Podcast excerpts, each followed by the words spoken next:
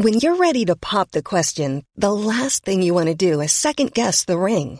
At Bluenile.com, you can design a one of a kind ring with the ease and convenience of shopping online. Choose your diamond and setting. When you find the one, you'll get it delivered right to your door. Go to Bluenile.com and use promo code LISTEN to get $50 off your purchase of $500 or more. That's code LISTEN at Bluenile.com for $50 off your purchase.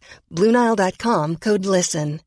Quality sleep is essential. That's why the Sleep Number Smart Bed is designed for your ever evolving sleep needs. Need a bed that's firmer or softer on either side? Helps you sleep at a comfortable temperature? Sleep Number Smart Beds let you individualize your comfort so you sleep better together. JD Power ranks Sleep Number number 1 in customer satisfaction with mattresses purchased in-store. And now save 40% on the Sleep Number limited edition Smart Bed for a limited time.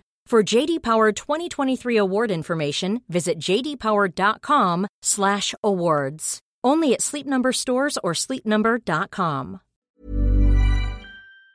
Hallå! Simon Gärdenfors heter jag och snart börjar min podcast Arkivsamtal. Jag har börjat med en ny grej. Att varje vecka släppa ett bonusavsnitt av Arkivsamtal som är exklusivt endast för Patreons av den här podden. Om du blir avsnittsdonator så ligger det över 20 avsnitt och väntar redan som du får tillgång till. Så det är klart värt det. Du donerar en valfri summa. Om du bara vill stötta den här podden så kan du också swisha en slant till 0760-724728. Kan behövas eftersom det är svårt att få gig nu för tiden. Länk till allt det här finns i avsnittsbeskrivningen. En sak till. Glöm inte att följa mig på Instagram. Där heter jag Gardenfors. Men nu kommer Arkivsamtal som klipps av min redaktör Marcus Blomgren. Mycket nöje!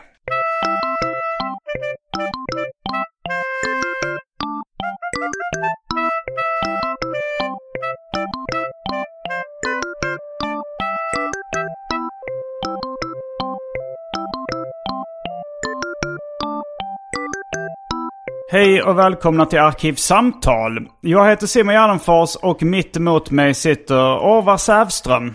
Hej, hej. Välkommen hit. Tack. Alltid ett nöje. Mm. Hur många gånger är det du har varit med i Arkivsamtal? Det här är tredje gången. Tredje gången. Första gången pratade vi väl ramen och sen så pratade vi äventyrsspel. Ja, och nu ska vi ha ett kanske lite bredare ämne. Eh, Japan. Japan! Mm. Vi, uh, har, vi är båda uh, Japan-älskare kan man väl säga. Det kan man säga. Uh, vad, vad är det för uttryck som heter Weeb? Har jag sett på internet ibland folk skriver. Har ja, du sett det? jag vet inte riktigt var det kommer från egentligen. Nej, men, ja, mm. men det är väl slang för Japan-fantast. Ja. Eller någon, det är väl lite Japan-nörd kanske med. Och jag älskar ju Japan mer kanske än Livet japansk, själv. En japan, ja men en, för mig är det inte att jag var galen i japansk popkultur och sökte mig till Japan, vilket jag kan känna kanske ganska många är. Så Mm. man, man älskar anime, man älskar manga, man älskar alla former av olika konstiga grejer. Godisförpackningar. Mm, Eh, och sen söker man sig till Japan. För mig var det väl kanske Japan som land och som ställe och en massa olika vibbar och så. Och sen har jag ju med det också fått eh, väldigt mycket av japansk populärkultur. Men min Så vad var anledningen Ja. Men det var inte så för? att jag åkte till Japan för att jag var helt galen i eh, Manga i manga liksom. Nej, Nej. precis. Nej, jag, jag, det var väldigt, jag åkte ganska sent till Japan i livet också.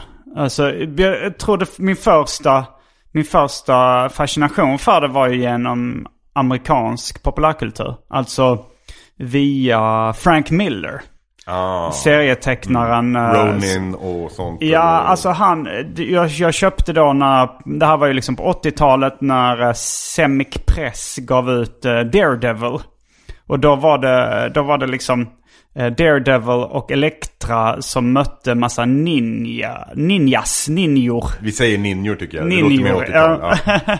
Som, som liksom, de, de slogs mot ninjor. Ja. Och då tyckte man att de ninjorna var jävligt coola. Jag vet inte om de hette Handen. The Hand. För det är Ja, ju, Hand. Ninja Turtles har ju då The Foot som är en, en, hyll, liksom en referens till det.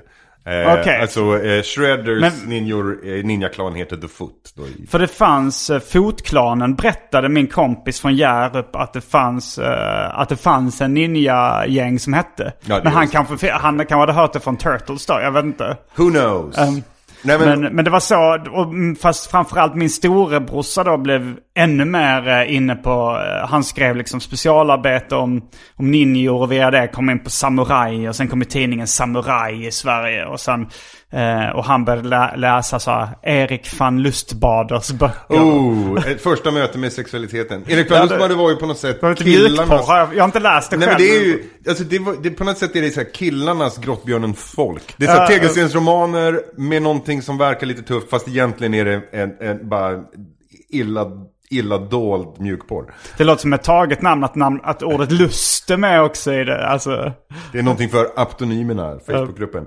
Ehm, vad sa du? Vänta, nu hänger jag inte med. Någonting för aptonymerna? aptonymerna är en Facebookgrupp för folk som heter det de gör. Så det, du vet, det är Ah. sådär... Eh, eh, eh, eh, Som en... eh, en Ulrik Blixt, meteorolog, eller Ja, något sånt där. Ja. Det finns någon eh, liksom eh, läkare som är speciell, specialiserad på rektum som heter eh, antal bajor. Ja, precis. Du Precis känner till honom? Ja. Så att eh, den gruppen så postar man alltid sånt när det Och är det heter aptonym. aptonym. Okej, um, så Erik van Lustbader. Ja, det är väl så. Han jag, jag, ska badar i kolla, lust. jag ska kolla om han är med där, ja, precis. Han vältrar sig i snusk. Eh, nej, men men för mig är det ju, alltså jag är född 74. Mm. För mig och många andra som är jämngamla med mig så tror jag att det första riktiga mötet med, med konceptet Japan, det är en, en miniserie som då gick på SVT som hette Shogun.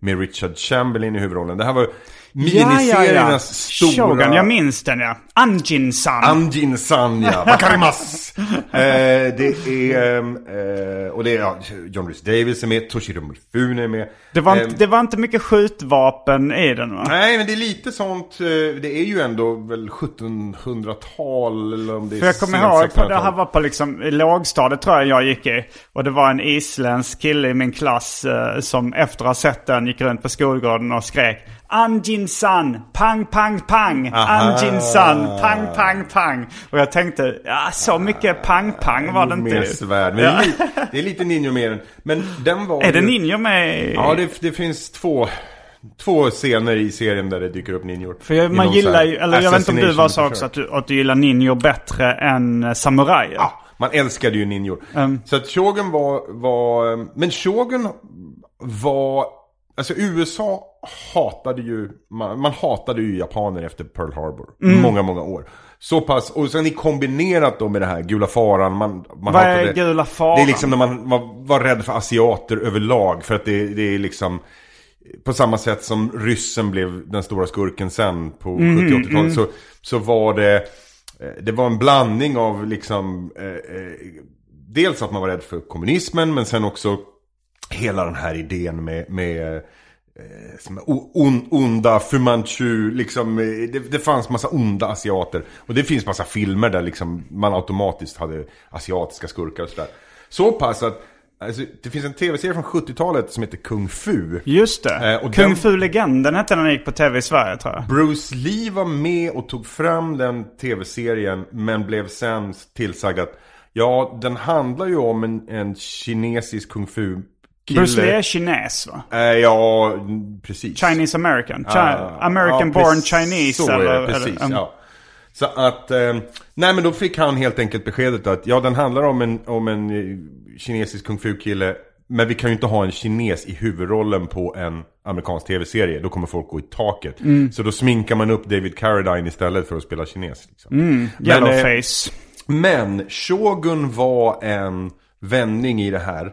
När det gäller just Japan. Jag tror Bruce Lee betyder jättemycket för att asiater kunde, liksom när hans genombrott sen ehm, Var på 70-talet. Ja, på 70-talet. Och det var ju väldigt kort, han dog ju väldigt snabbt. Men, men eh, Shogun var liksom dörröppnaren till Japan. Att amerikaner gick från, från att hata landet mer än något annat till att vara fascinerade av det. Folk började liksom läsa om Japan, folk började drömma om att åka till Japan. Men det handlar om en, handlar om en amerikan som åker till Japan eller en britt som åker till Japan? Han är brittisk och det här är ju under sådär... handelsskepp som, som eh, Japan var ju stängt för eh, yttervärlden.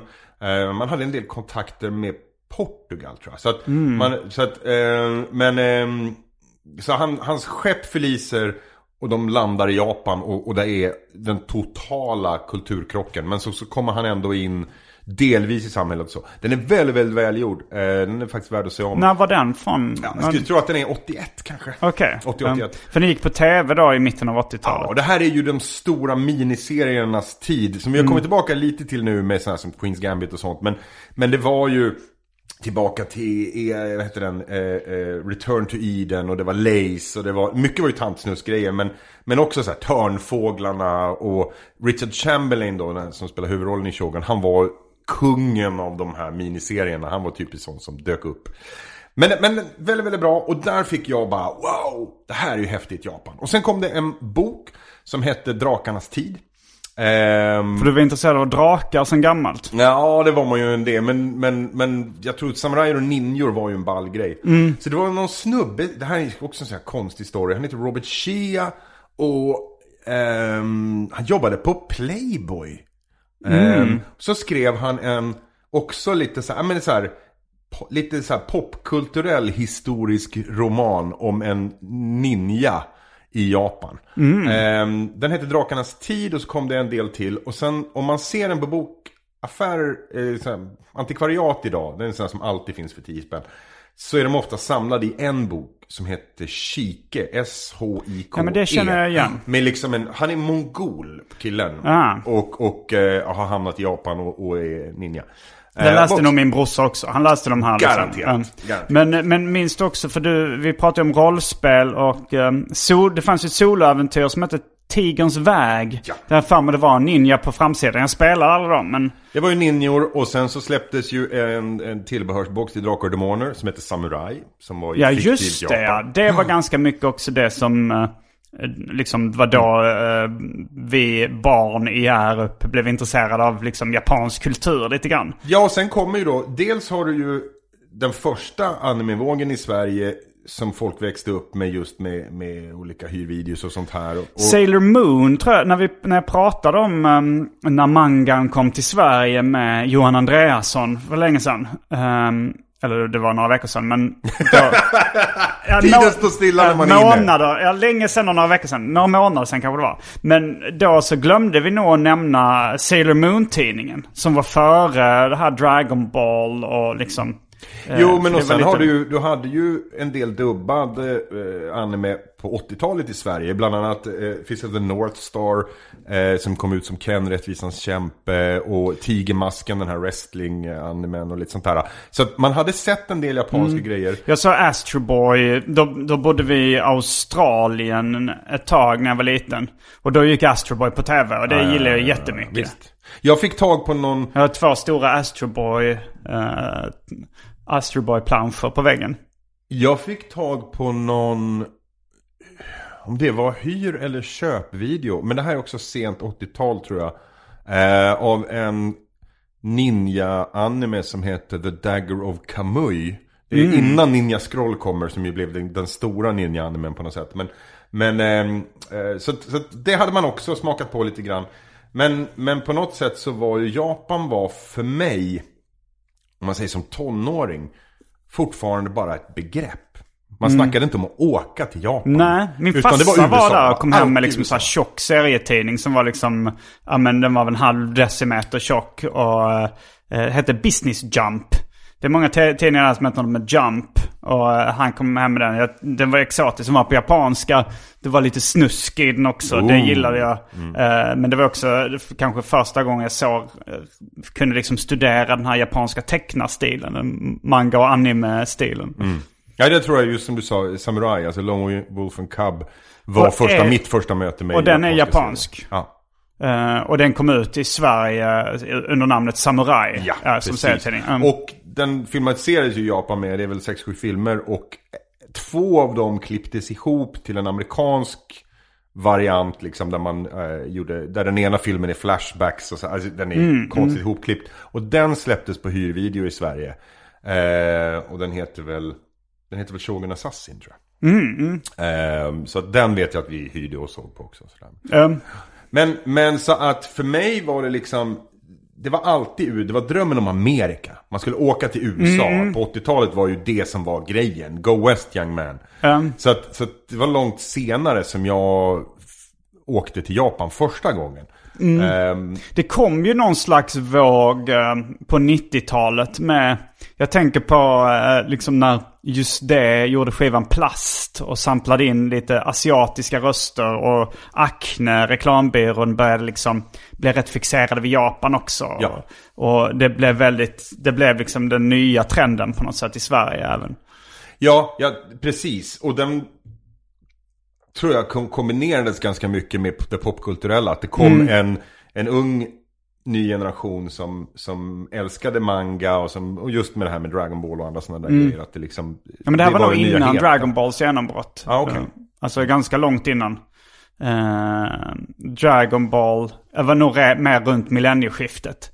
Medan... eh, Det var det nog ja. Det här är här nog var- när jag är på ZTV. Så det är ju, det är ju slutet på 90-talet då. Ja. Som det, ja.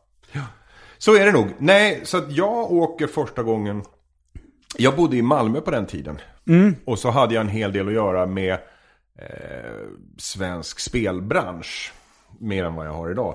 Med, med tv-spel och datorspel. Just det, Nintendo är ju också säkert mångas ingång till Japan. Förstås. Och Final Fantasy och andra sådana japanska rollspel och sådär. Eh, Nintendo förstås jättestort, men också när Playstation kom så kom det en hel del japanska spel och spelserier som folk kanske inte hade så mycket koll på innan och sådär. Eh, så att svensk spelbransch var fortfarande i viss mån i sin linda. Den var inte alls där den är idag. Och då gjordes ett försök, eller ja, det var väl också att folk tycker det är kul att åka till Japan för andras pengar. Så är det ju med allting här i världen. Men, men det, fa- det fanns en, eh, någon, någon form av branschorganisation. Och de organiserade en resa till Japan under Tokyo Game Show som är den stora japanska spelmässan motsvarande då E3 i, USA. Och, Det är många från, jag jobbade på Atlantic förlags lite, eller jag, jag tecknade för Megapyton och sånt. Och de hade ju den här uh, Superplay. Ja, Och där var det ju, det fin- fann en kille som heter Manga Martin som jag gissar att du är säkert bekant med. Eller han kallades för Manga Martin men han var också eh, papegojan i Rocky. För Martin Kellerman jobbar ju på eh, Megapyton och var redaktör där och Manga Martin jobbar på Superplay. Och de blev kompisar och medverkar i sin serie. Så de, de har ju snackat eh, mycket om Tokyo Game Show och Ja. dit. Och, Jo men och det var ju en sån där, det var, det var några ställen man åkte på eh, varje år om man var i den branschen. Så då, skulle, då bestämde man så här, men vi samlar ihop ett gäng representanter från olika svenska spelföretag. vilket var du på då? Nej, jag var inte på någon, jag kommer till det. Ehm, och så åker vi till Tokyo och sen hälsar vi på, vi gör studiebesök på olika japanska spelstudios. eh, Liksom skakar hand med dem, träffas och så går vi på Tokyo Game Show och försöker vi knyta en massa nya kontakter. Så man samlar ihop ett gäng med 10-15 personer. Och på den tiden så eh, skrev jag om spel i Sydsvenska Dagbladet, men bodde i Malmö. Hade en, en krönika varje vecka och skrev eh, liksom artiklar om spel och sådär. Ehm, så jag fick frågan, sk- skulle inte du kunna följa med? Och så kan vi få till en artikel i Sydsvenska Dagbladet om den här resan. Så då lyckades jag sälja in det. Så jag åkte med som journalist. Vilket år var det här? Det här är 2009. Så det är 11 år sedan. Okej, så det är så pass uh, sent? Så pass sent åker jag till Japan. Så 2009 åker jag till Tokyo. Och har en fantastisk resa där. Kommer hem och det första jag säger till min dåvarande fru är vi måste åka till Japan. Och så åker vi till Japan. Och sen när vi kommer tillbaka så säger hon vi måste ta hit ungarna. Så då åker vi dit med ungarna. Och sen var ju bollen i rullning. Ehm, Så på de här 11 åren har jag varit 10 eller 11 gånger i Japan. I princip en gång om året. Så jag tog dit mina föräldrar till exempel, tagit dit min bästa vän och så vidare. Och, sådär. Ehm, och jag är rätt mycket en vanemänniska när jag reser. Jag gillar att upptäcka nya saker men jag är inte supersugen på att att åka till nya ställen och nu ska vi backpacka och se var vi hamnar och så här. Jag gillar ju mer att komma tillbaka till det där schyssta lilla kvartershaket som jag har varit på förut. Och, och, och gubben bakom disken känner igen den och så har man med sig någon. Jag, jag tycker nästan det är roligare att åka tillbaka till ett ställe men ha med någon man gillar. Ja. Så här, nu, nu ska vi in här och sen här skumma tunnelbanestationen. Här ligger det ett coolt ställe som vi ska till. Och Jo, men guide. ganska mycket så också liksom kommer tillbaks och gör samma saker. Men, eh, men sen så långsamt upptäcker man ju, upptäcker man ju nya saker och lär känna Precis mer så. folk. Och så. Precis så. Man, ska, man, man, är, man bor på samma hotell, man går på samma ställen. Och sen så, oh wow, det är en konsert i en stadsdel jag aldrig varit förut. Vi drar på- den och helt plötsligt så har man upptäckt någonting helt nytt. Och där Mm. finns det coola eh, butiker och så vidare. Och så vidare. Jag måste bara avbryta dig för att eh, du är så självgående att eh, det finns risk för att ett visst inslag glöms bort. Eh, nu har det blivit dags för det omåttligt populära inslaget Välj drycken.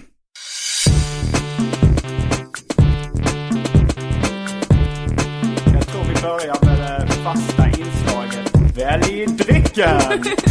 Och här kommer alternativen. Coca-Cola Energy Zero. Pulverkaffe. Bacardi Rom. Gin och tonic. Lagunitas Daytime IPA. Vodka med tranbärsjuice. Eh, mer passion utan socker. Svarta skäggets hostmedicin eller Recipects hostmedicin. Heinz tomatketchup. Snapple. Budweiser 3,5. Pabst Blue Ribbon. Hawaii Gay Club. Bullet Bourbon. Passoa. Pina Colada. Nej, den är nog... Jag tror inte jag har någon... Uh, jag har ingen kokosjuice. Så den... Det blir jobbigt. Ja, det blir jobbigt. Eh, och så har vi...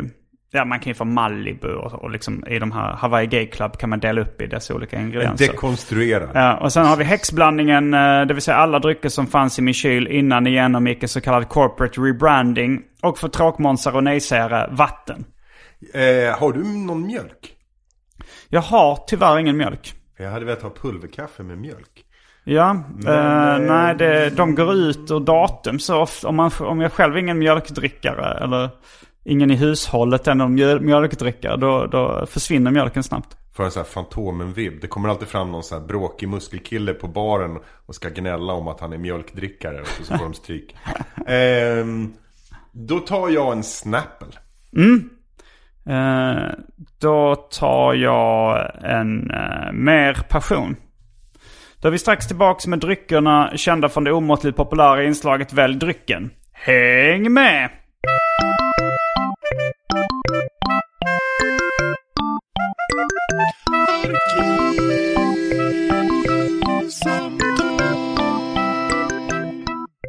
Då är vi tillbaks med dryckerna kända från det omåttligt populära inslaget Välj drycken. Snapple har så himla bra förpackning. Eh, när jag bodde i USA så brukade vi köpa en sån här eh, glasflaska som är en halv liter med deras lemonade som är bara den rena citronsaften. Så hällde man ut hälften och så fyllde man upp med vodka och så kunde man gå med den för det såg likadant ut och det var liksom bättre än att ha det i en brun papperspåse. Ja, Eh, då ska vi se om vi, vi lär oss någonting av Snapple idag då. ska höras snappet. Ja, det var inget, Ja, det var inget dålig. Men det står en Snapple fact Precis. alltid i korken. Så man får lära sig något litet. Giraffer kan slicka sina egna ögon.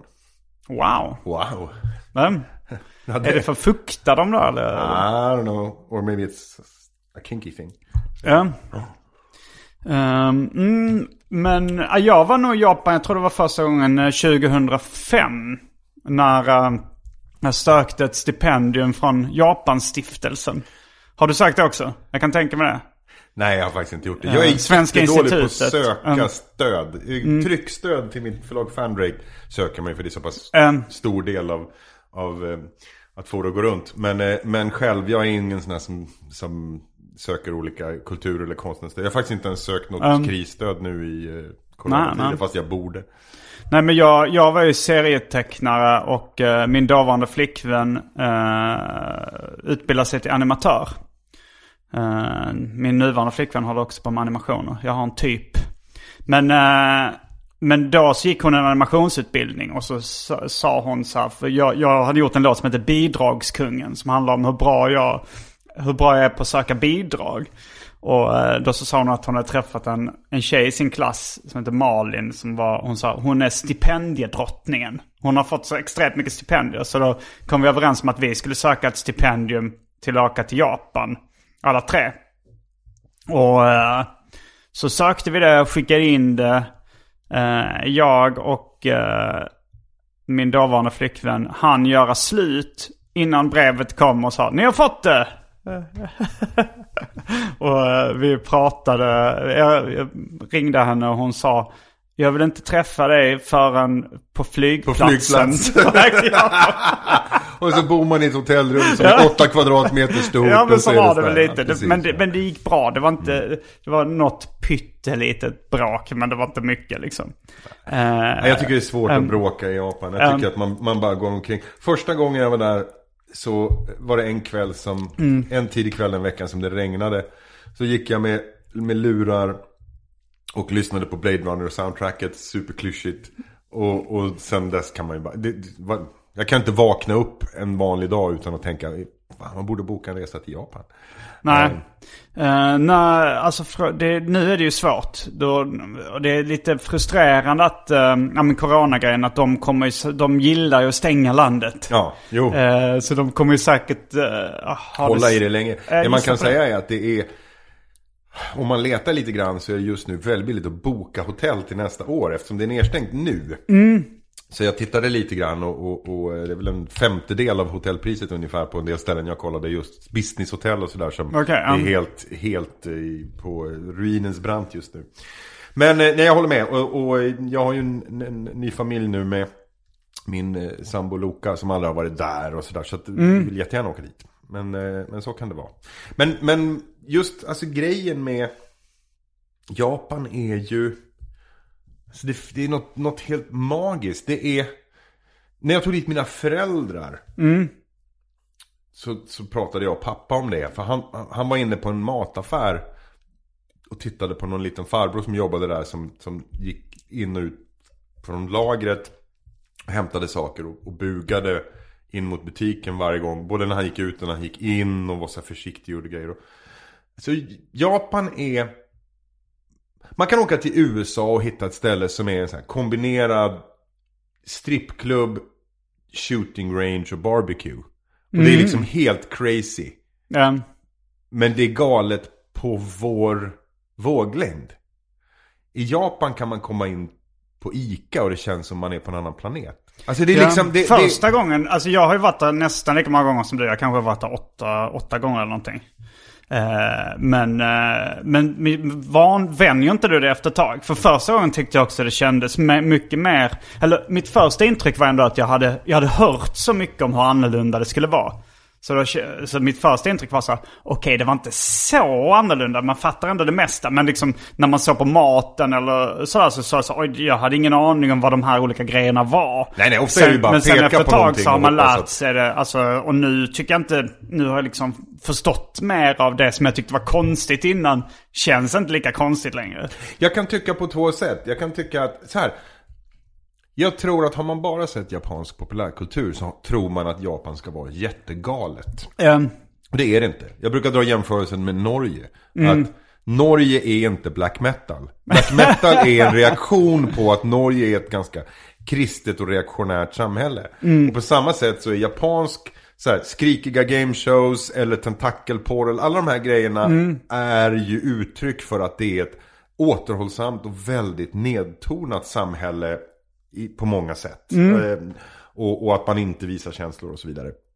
Ehm, så att kommer man första gången och förväntar sig att allting ska vara ah, konnichiwa, wa", Då kanske man blir så här, eh, jaha, oj, men, men här var ju folk ganska så här timida och lugna och sådär. um, Ehm, så det tror jag är en första sådär. Men sen så tycker jag också att ju, ju fler gånger man har varit där och ju mer man börjar se fler perspektiv så är det mer annorlunda än man först trodde. Därför att det annorlunda är förhållningssättet till saker och bara hur folk tänker och hur folk är. Och det märker jag på folk som bor där och jobbar, alltså västerlänningar. Som är så att det spelar ingen roll om man har varit här i 20 år. Så är det fortfarande, kan, kan man hamna i situationer som är som om man hade klivit av planet första gången. För att det är, det är så mycket mindset. Jag har en jättegod vän som är, är har två japanska föräldrar. Men han är uppväxt i, i USA, i San Francisco. Bor i Japan nu. Så han ser ut som en japan, han har japanska föräldrar båda två. Och han kan flytande japanska. Men han har också en sorts västerländskt perspektiv på det. Och, han kan känna samma sak ibland. Att det är, ibland kan jag bara få stanna upp, tänka om och säga okej. så här skulle jag inte göra om jag var 100% japan. Så, att, sådär. så att Sånt kan det ju vara. Jag menar det är bara... En del grejer är bara annorlunda. Jag menar, är en, en typisk grej med Japan är ju det här att, det är för många väldigt, väldigt svårt att avvika från. Inte bara regler utan... Utan så här... Så här, så här ska det här vara. Samhällets normer Ja. och sånt där. Jo, det Ett- tänkte jag på också när, eh, för jag, jag var där nog andra gången det var med Galago, eh, serietidningen. Och då, då hade jag gjort det här eh, proje- projektet Simons 120 dagar när jag åkte runt i Sverige. Och det var liksom, det var ju ganska mycket sex och droger och sånt där i det, i det projektet. Och, och jag fick hålla ett föredrag då på Tokyo Design College. Eh, där där vi, jag skulle berätta om liksom, de hade bjudit in oss som ja, serietecknare och jag berättade om det här projektet. Eh, eh, och, och, eh, och så var det någon dag av de eleverna eh, som frågade så här. eh, What did your parents eh, think about this? Och så sa jag så här.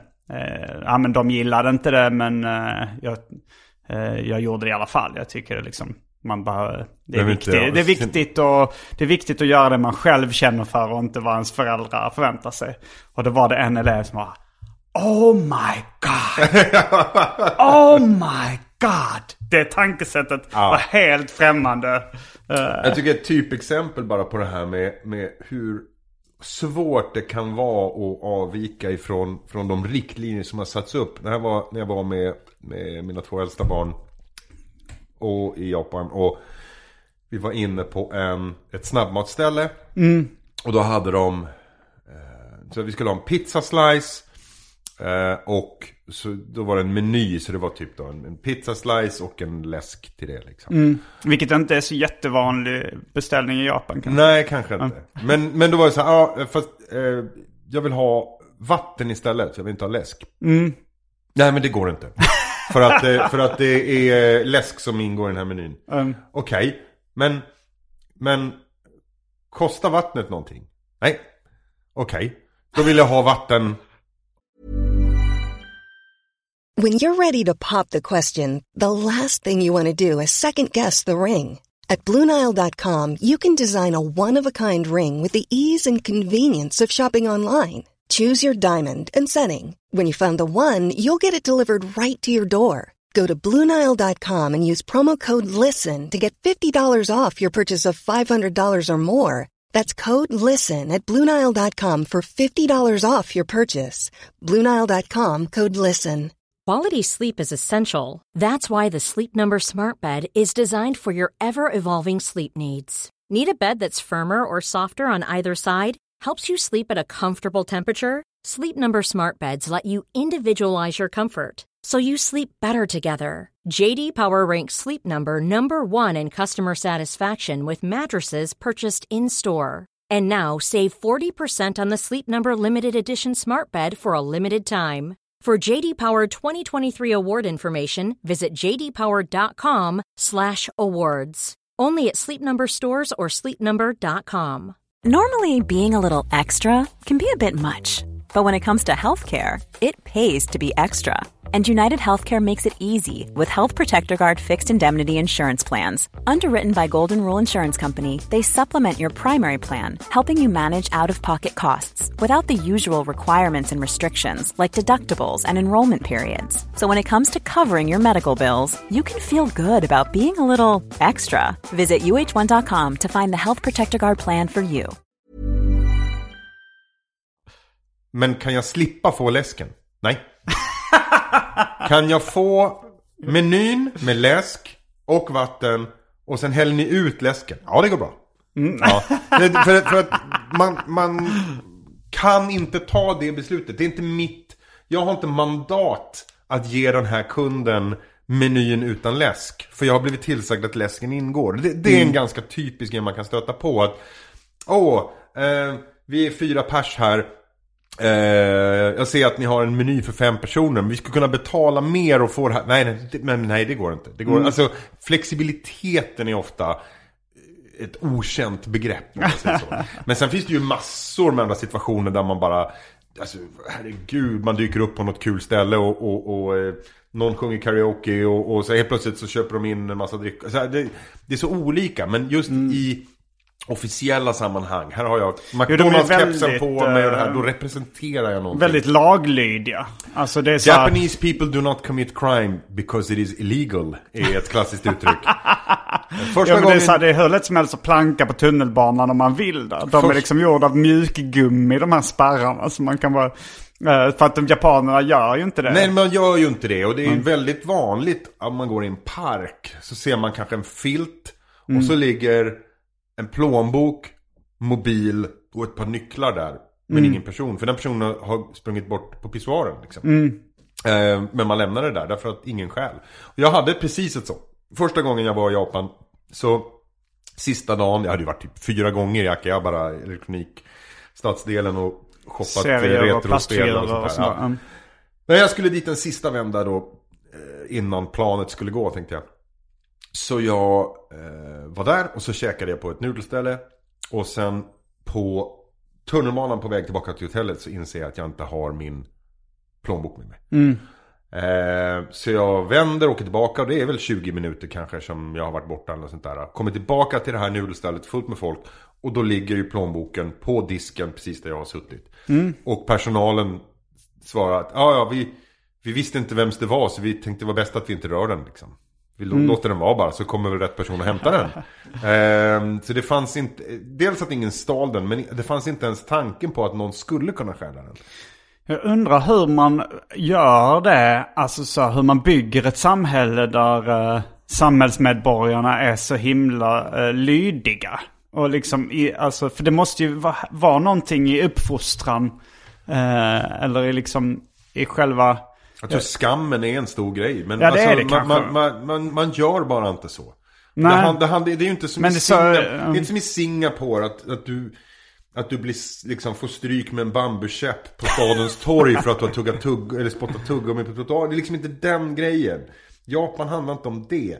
Det handlar om bara, så här gör man inte. Nej. Och, och eh, jag kan tycka att Japan är jätteproblematiskt på många sätt. Ja, ja. Eh, Och det finns ju, det finns ju de som bryter mot reglerna också, men det är väldigt ovanligt. Framförallt bryter de ju mot reglerna med varandra mycket. Alltså du, jag har ju aldrig varit med om någon som har blivit rånad eller så som turist. Utan, utan eh, då är det ju... eh, Mycket har ju med gambling och, och narkotika och sånt att göra. Ja, de har ju liksom organiserad brottslighet, Yakuzan. Ja, som, men de ges ju eh, inte på turister och sådär. Nej. Nej. Men eh, eh, på något sätt så är det ju... Alltså, jag är nästan alltid i Tokyo. Mm. Och det är klart att Tokyo är ju storstad, men även där är man ju så safe. Men när jag, jag hur många världs miljon, miljon, miljon städer låter man sina ungar på 7 och, och 12 år gå hem till hotellet på kvällen från restaurangen för att man som vuxen vill sitta kvar. Det skulle man inte göra i New York. Säga att ja, ja, men om ni går en kvart åt det här hållet så kommer hotellet sen. Nej. Men i Japan gör jag ju det. det är ju inga, där är det ju bara så här, bara liksom, för jag vet att inget händer. Ehm, Den enda gången jag tyckte var lite hotfullt, eller var så här, jag, jag bodde hos ett äldre par. Eh, det var nog via Svenska institutet jag hade kommit i kontakt med dem. Men det var liksom en japansk gubbe och en japansk tant. De var lite roliga. Det var, eh, de, de var väldigt stolta över sin alkoholkonsumtion. De satt, eh, de satt i köket och, och drack. Eh, eh, när jag kom ner liksom i köket någon gång och så, så stolt sa gubben We drink alcohol every night. och, och sen så, jag, så jag var rätt ny där och skulle fråga. För jag skulle då till Akihabara, det här uh, lite, ja men lite elektronik och... Ja, otaku är nörd, spel. nörd, ordet för nörd då. Eh, och eh, så... Och fast jag skulle, behövde tvätta samma dag så jag frågade så här, ja, har ni någon tvättmaskin och sånt? Så sa han, nej men det finns ett eh, tvättställe här nära. Du, de, men uh, gå dit nu för de, eh, de stänger. Eller så här, om du ska ha klart så går jag dit innan och drar till Akihabara. Och så gjorde jag det och sen så åkte jag till Akihabara och så när jag kom dit så undrade jag, är det någon tv-kändis eller något sånt där. För alla, det var liksom jättemycket folkmassor. Folk stod med sina mobiler högt upp eh, över huvudet. Det var innan liksom mobilkulturen hade spridit sig på samma sätt som Sverige den var idag. Men de stod liksom uppe och fotade, fotade, fotade. Och jag jag ingen aning vad det var. Eh, och så försökte jag gå in liksom i... Eh, i den, Klungan ja, men jag försökte gå in i liksom Akihabara, de här eh, liksom nördkvarteren. Eh, men eh, det var av polisavspärrningarna. Så här, okej, jag fattar inte mycket. Och så åkte jag hem och så var det... Och så den här japanska gubben, han sa Washing your clothes might have saved your life.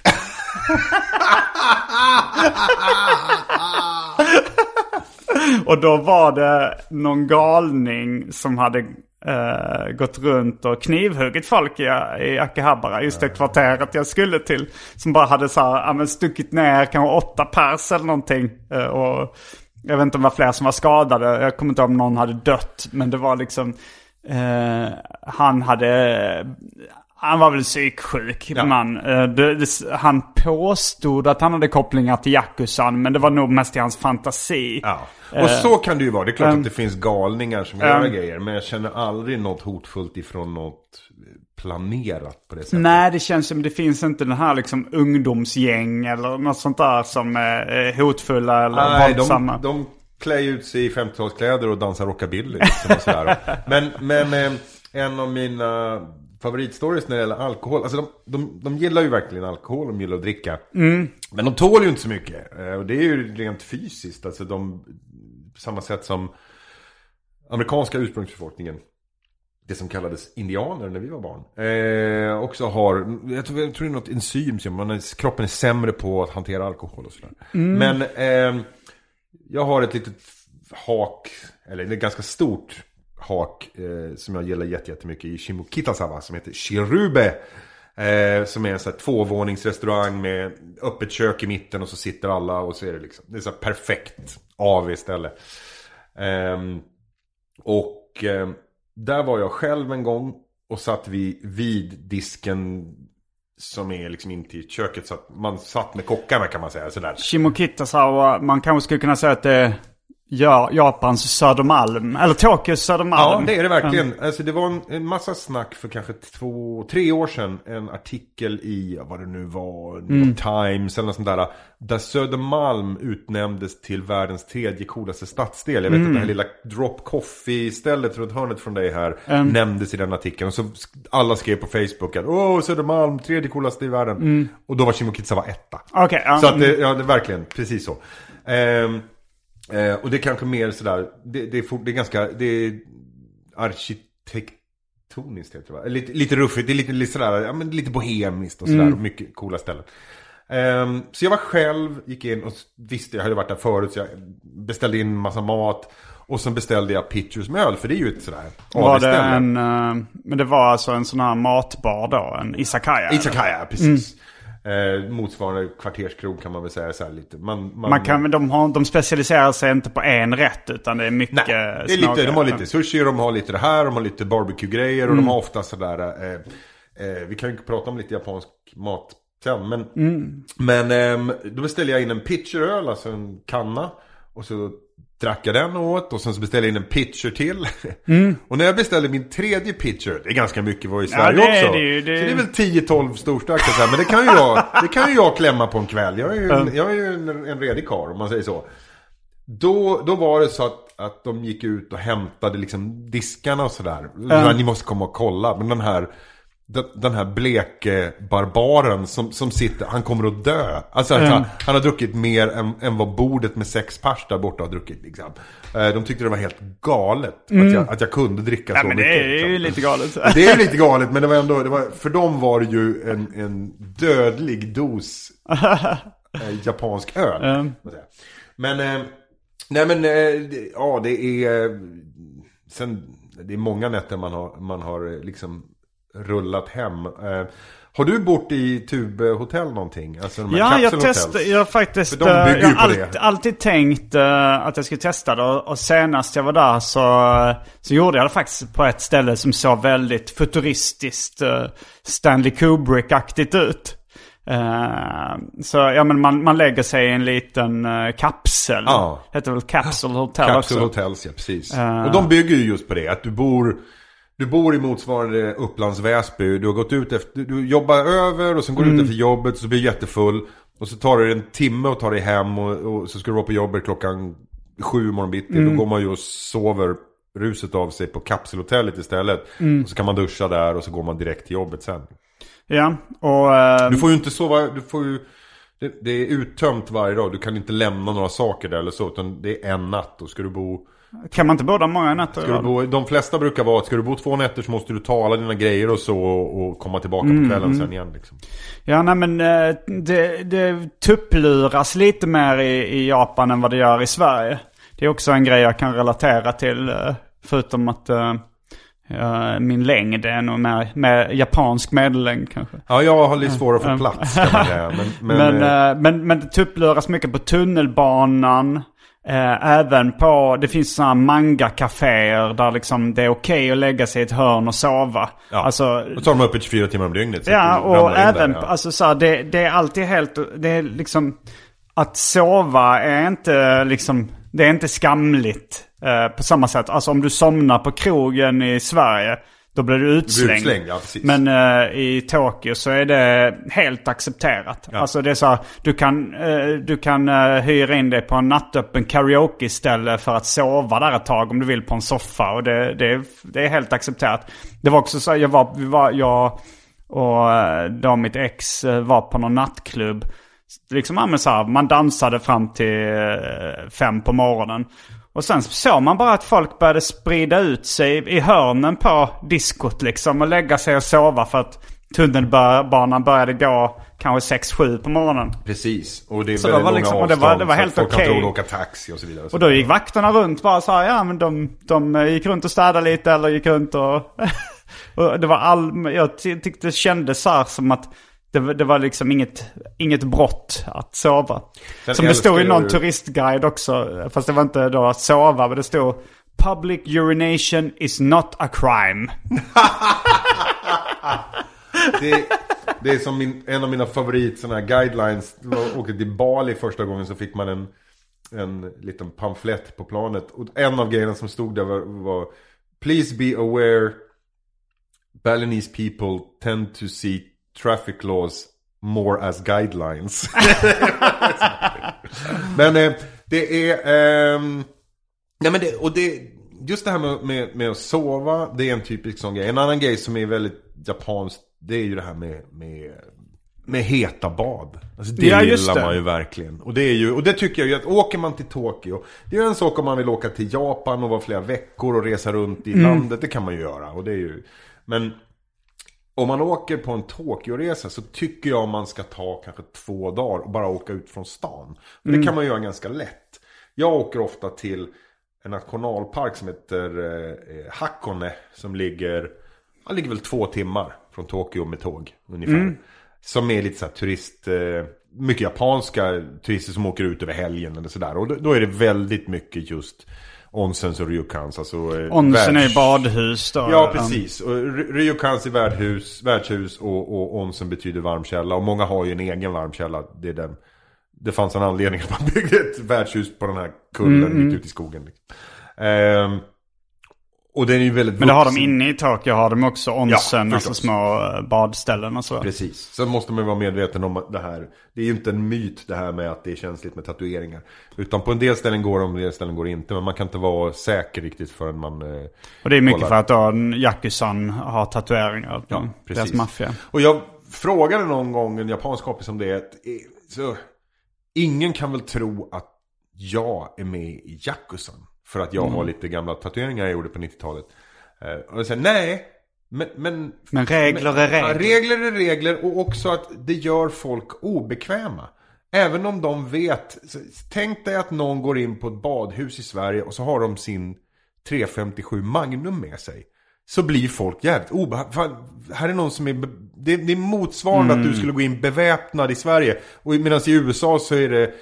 Så är det liksom legal carry och, och folk har vapen på sig inne på, på, på Konsum. Och det är inget konstigt. Och, och är du i Texas så, så blir du inte förvånad då. Men i Sverige skulle alla bli jätteilla till mods för att någon går omkring med ett vapen på sig. Och så är det för många äldre, framförallt japaner, att, att det förknippas med, med otäcka grejer. Så även om de vet att du inte är Yakuza, så, så är det, det är inte okej. Och den som står i receptionen på det här badstället har bara regler. Det är inte den som bestämmer. Det, är bara, det bara är så. Du får inte ha tatueringar här. Det skulle vara som att ha ett hakkors tatuerat även så här. Men det är ju ironiskt. Det Ja, ja, ja, precis, precis. Ja, här har vi väl Här har du. regler, regler för det. Eh, nej men så kan det vara. Och, och ehm, vi pratade ju lite om innan det här med mat. Och det är ju lätt att tänka sig att, att eh, alltså, ramen har ju kommit på senare år. Jag har till och med hört att det finns poddar där de pratar om ramen. Ehm, och, och sushi har ju nu sedan mitten på 90-talet varit en självklarhet i Sverige.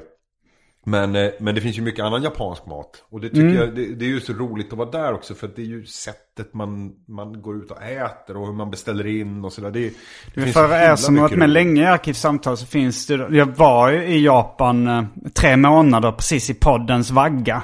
Eh, när, 2012 när jag hade fått ett så här, ateljéstipendium. Så då, då, många avsnitt, då finns det även Mat i Japan del 1 och Mat i Japan del 2. Och sen finns ju ramen då, så vi har pratat ganska Ja. mycket om japansk mat. Men, Ja.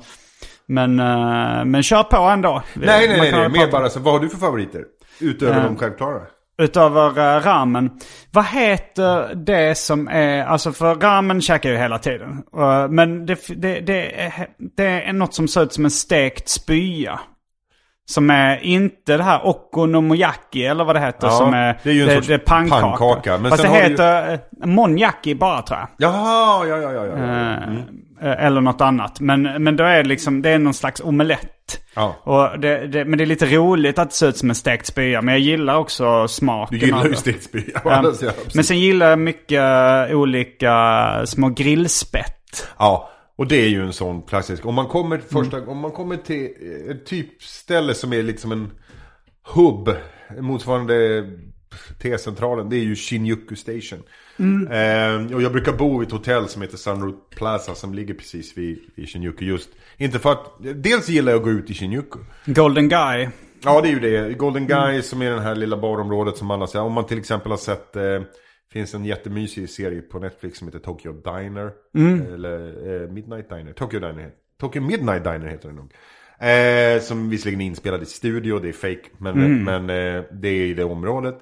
Ehm, och flera andra sådana här små där man bara liksom går i gränder och hittar coola ställen. En viktig grej om säga, om man, man är i Tokyo, det är ju att, att man bygger på höjden.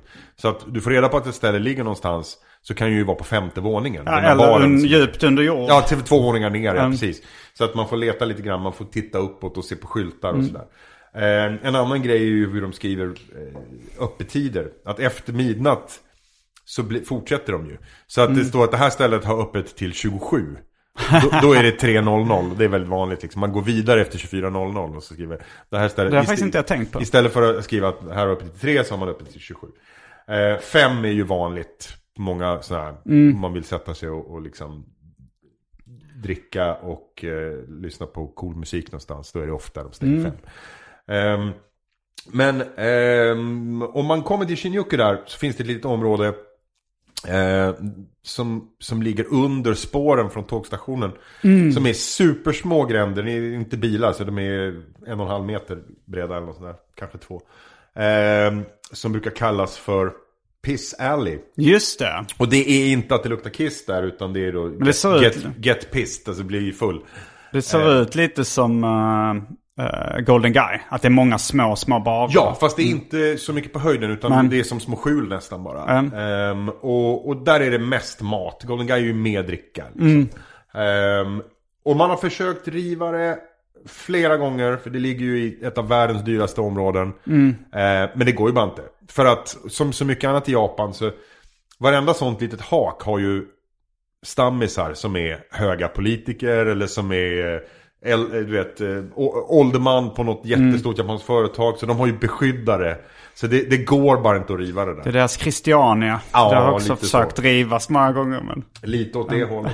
Men det finns det en liten sån eh, eh, grillspetsställe där med en gubbe och en tant. Vad heter, för, det, vad heter egentligen? Alltså för yakitori är ju då kycklingspett va? Ja, men jag Och, tror eh, att man kallar det för yakitori, alltså yakitori-ställen. För de har ju nästan alltid kyckling. Fast jag tror det, det heter något annat när det är liksom blandade Ja, det spett. Men jag har glömt vad det heter. Men... Och, eh, och så får man titta lite och då är det ju ofta, det finns, eh, ofta är det ju lite kycklinginälvor. Eh, och kycklingskinn. Och så finns det kyckling och, och så lite grönsaker och sånt där. Och så är det bärs och så beställer man in. Eh, mycket, mycket bra. Sen kan man ju få märkliga grejer ibland, liksom eh, val. Eller, en, en grej de gillar jättemycket är ju eh, rå häst. Det är Ja. väldigt vanligt. Det käkade jag också när jag var Det där. är ju jättegott. Eh, och um, torsksperma. Alltså Mums. som mjölk kan man få friterad. Ja, det, ja, visst, visst, visst. det har jag käkat också.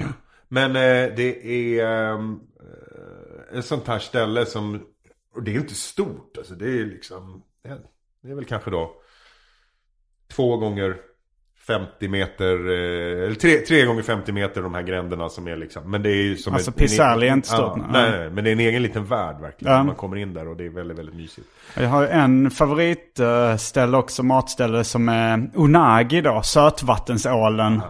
Ehm, det är i, eh, i det andra eh, området som är väldigt förknippat med nördar. Alltså Nakano. Nakano ja. Eh, men, men, och det är många som säger att ja, ål de är utrotningshotade. Men det här är ju så här odlad sötvattensål. Så det är inte mycket mer utrotningshotat än Julgran. Nej. Eh, en, nej.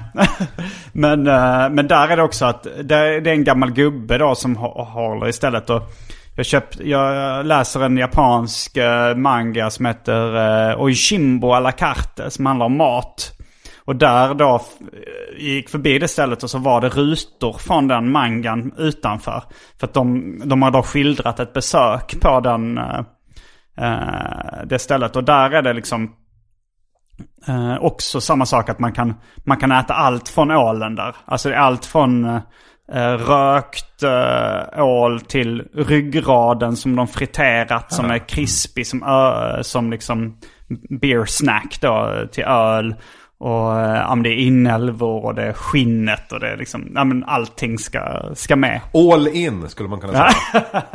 Det hade Eh, hetat Göteborg. Mitt, eh, min motsvarighet när det gäller just sådana favoritställen. Mm. Så favoritställen, inte bara Japan utan när man överlag. Det är ju dels att man vill ha god mat men det är ju storyn. Det är ju, det är ju liksom Mm.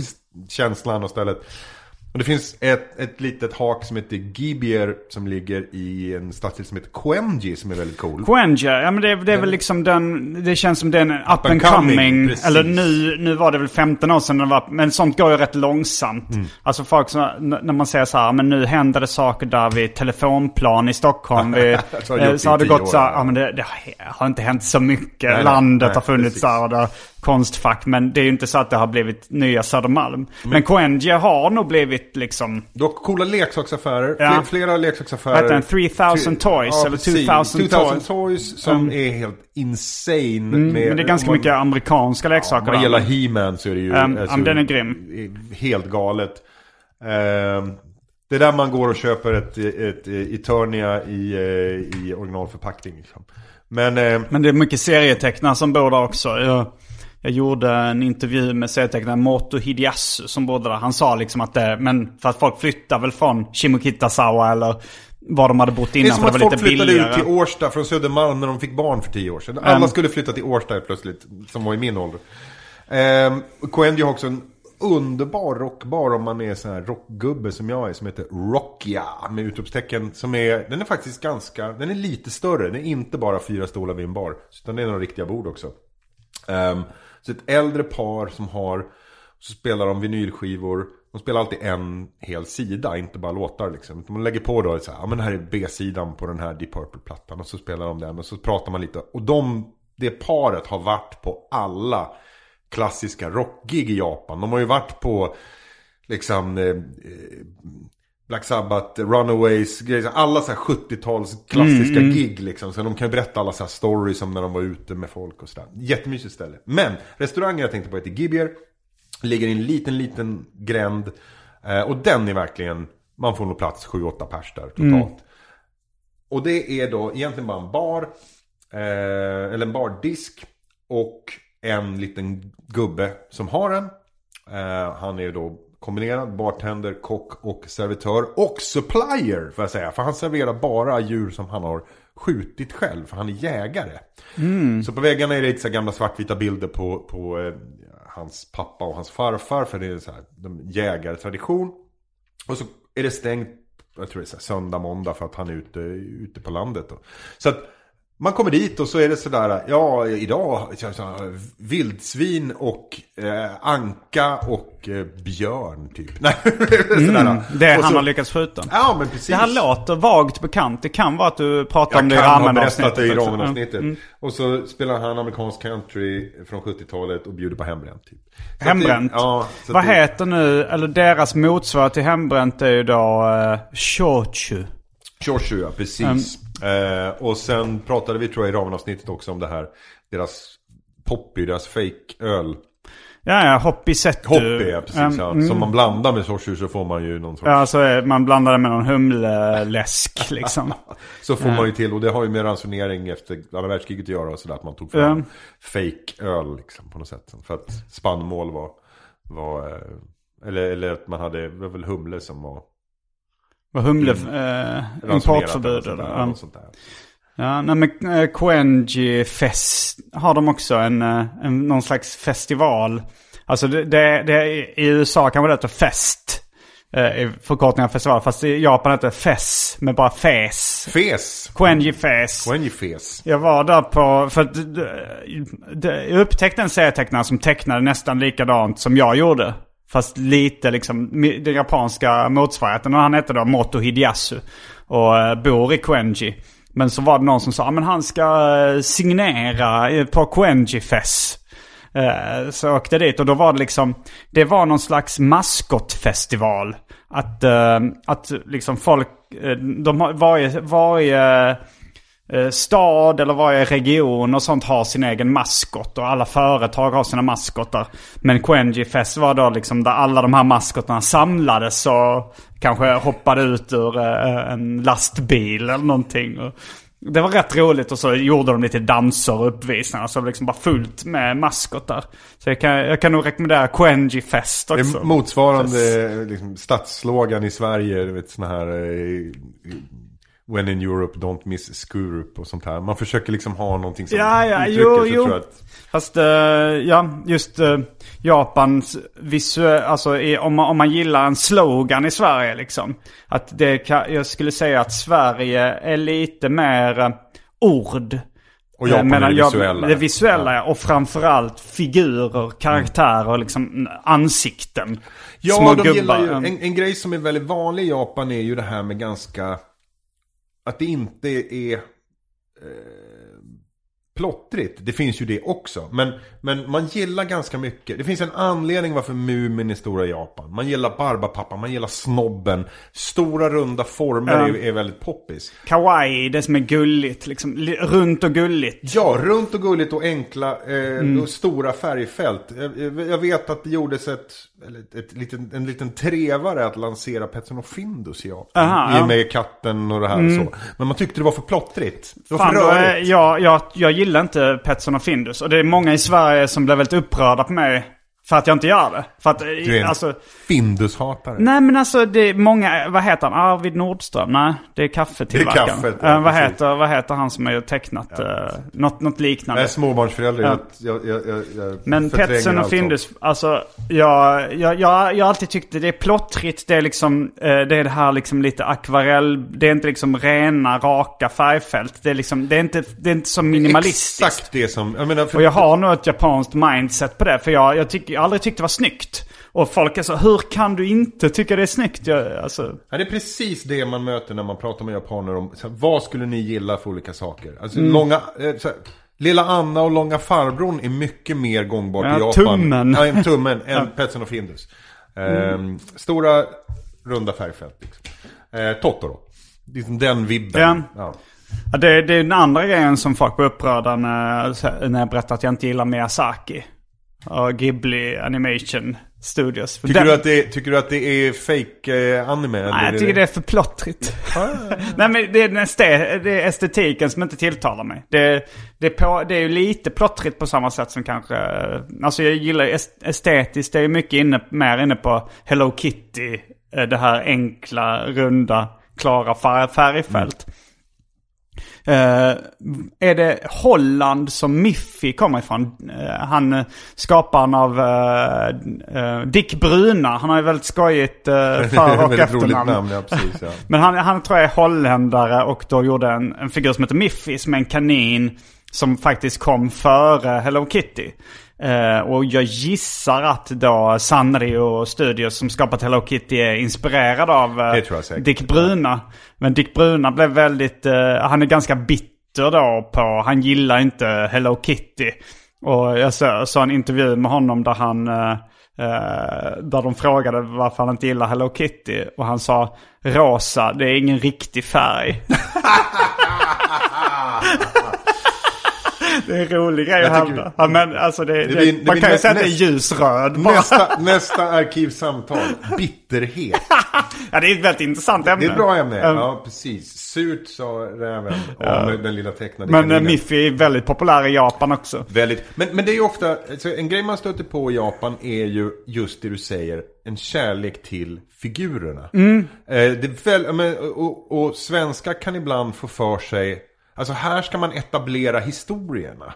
Ja. Eh, och det, det är många i Japan helt ointresserade av det. Ja, Man Hello säger så Kitty finns ju ingen backstory alls. Nej, det finns nästan. ingen. Det är bara det, figur. är aldrig, nästan aldrig några Men, men, berättelser. men det är ju Mm. otroligt många japaner som älskar Mumin och inte har en aning om vad det är för sammanhang. Mm. Man gillar Mumin-figuren. Ja, liksom ja. de här olika, eh, och man gillar den visuella stilen. Och det gäller jättemånga saker. Att man, att man är så här, ja, jag är helt galen i vad det nu är för någonting. Vi, vi, vi säger att det är Molang då som jag är inne på just nu. Som Mm. är någon, någon fransk-koreansk, också någon knasig, någon liten rund tjock kanin med en fågel som leker. Ehm, Aha, det, det, det är inte Disneys Mulan du pratar om? Nej, nej, nej. Molang. Mölang tror jag. Man skriver med prickar Okej, det, aha, vad det, det vet jag faktiskt inte vad det är. Eh, det är tecknade små två, tre minuter. Jag har ju en ett och ett halvt åring hemma. Mm. Men det är barn- en barn- en barn eh, tecknad serie. barnfigur. Ja, Mm. precis. Ehm, och då nödvändigtvis behöver man inte veta vad det handlar om. Man gillar Men- bara den jättemycket och köper grejer. Och man Mm. har eh, eh, lunchboxen och ryggsäcken och tröjan och eh, man har mössan som ser ut Mm. som figuren och sådär. Jag funderar på det om, eh, eh, jag vet inte om jag har hört, var jag hört den här teorin, men eh, att shintoismen då, eh, japanska eh, religionen, eh, som fortfarande ganska många praktiserar eller i alla fall alla tror på på. och att där har det ju en, eh, en del i den handlar ju om att allting har en själ. Allting är besjälat. Och kanske kan man koppla samman det med att, eh, att varenda liten pudding och jordgubb har ögon och mun på deras förpackningar. Kanske. Det kanske är en stretch. Eller, men- eller så är det bara så att man gillar söta grejer. Ja, jo, det är lite som det jag, är jag, fick, enklare, jag ja. fick frågan en gång sådär halvfilosofiskt varför dödskallar är, är så viktigt inom hårdrocken. Och, för att de är tuffa. ja. Det behöver inte vara mer avancerat än så. Jag tror vi ehm, säger eh, tack och hej för eh, alla mm, vanliga lyssnare av Arkivsamtal. Och tack och hej säger jag då. på det göteborgska Ja. spåret. Ja, precis. Ehm, och eh, ni som vill lyssna vidare ett tag till uh, får donera en valfri summa på patreon.com arkivsamtal. Så kommer vi prata vidare lite om Japan. Men eh, detta var allt från veckans ordinarie samtal av Arkivsamtal. Jag heter Simon Gärdenfors. Och jag heter Orvar Sävström. Fullbordat samtal.